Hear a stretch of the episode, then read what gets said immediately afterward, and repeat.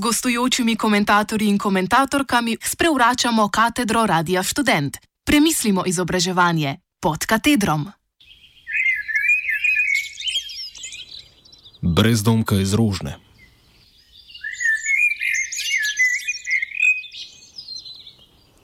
Začetek marca. Na vratih našega bloka je nekega dne, ko sem prišla iz službe, veselo obvestilo. Preden vstopite v ambulanto, nas prosim kontaktirajte. Oziroma, če imate kakršne koli znake infekcije, prosimo, da ne vstopate.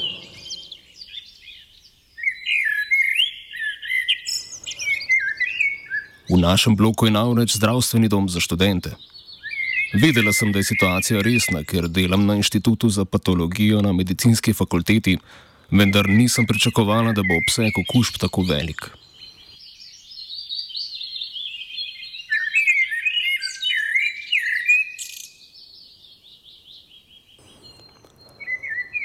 Še naprej sem normalno hodila v službo. Vsak dan več opozoril. Na vseh mestih. V domu so nam zraven vrat namestili razkožilo. Uporabljam ga tukaj in v službi. Sledila je omejitev gibanja na javnih mestih, zapiranje lokalov, že prej so odpovedali vse javne prireditve, vključno z dnevom svetega Patrika.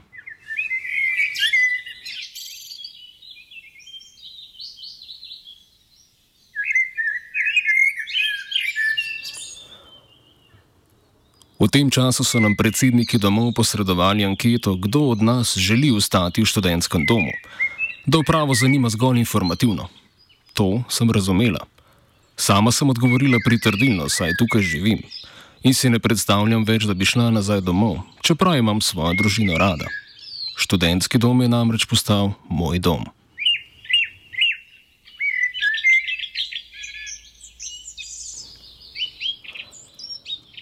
Čez nekaj dni, v nedeljo 15. marca, so nam predsedniki posredovali obvestilo, da vlada študentske domove zapira.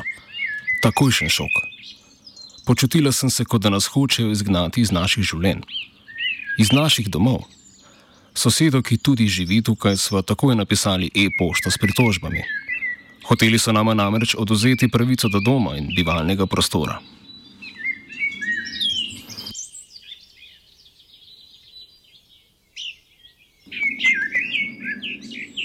Počutila sem se izdano in šipko, saj so me želeli vreči iz mojega majhnega koščka sveta, ki mu rečem dom. Razumela sem njihove argumente zaradi skupnih prostorov in prenatrpanosti, ki navadno prevladujejo v študentskih domovih, vendar nas je trenutno res malo in vsi resnično živimo tukaj.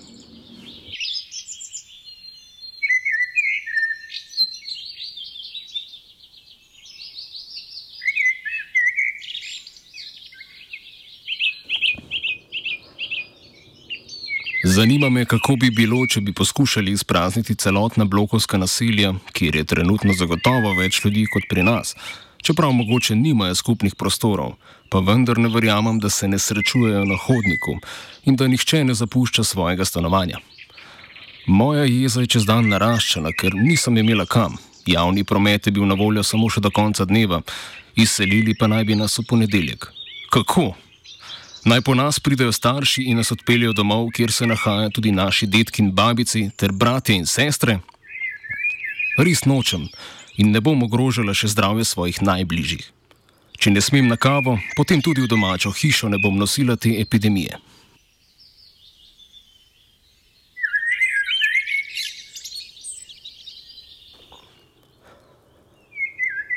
Potem, ko sem se burno razpisala, sem v temi čez nekaj ur zagledala luč. Vlada je prišla k pameti. V študentskem domu torej zaenkrat smemo ostati pod pogoji, ki sem jih navedla že zgoraj. Vlada je naše mnenje vzela v poštev. Tudi zato, ker nas pravno formalno ne morejo kar vreči na cesto. Ločujemo stranišča in kuhinje, ter kopalnice za bolne in zdrave. Hodimo na sprehode, pišemo, se razkužujemo od znotraj na vzven in predvsem pazimo drug na drugega ker smo tudi v študentskem domu družina.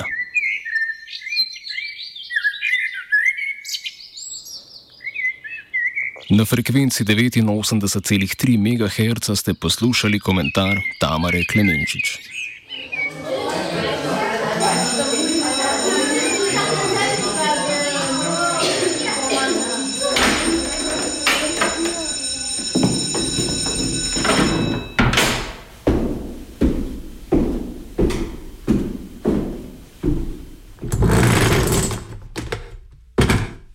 Gostujočimi komentatorji in komentatorkami sprevračamo katedro Radia Student. Premislimo izobraževanje pod katedrom.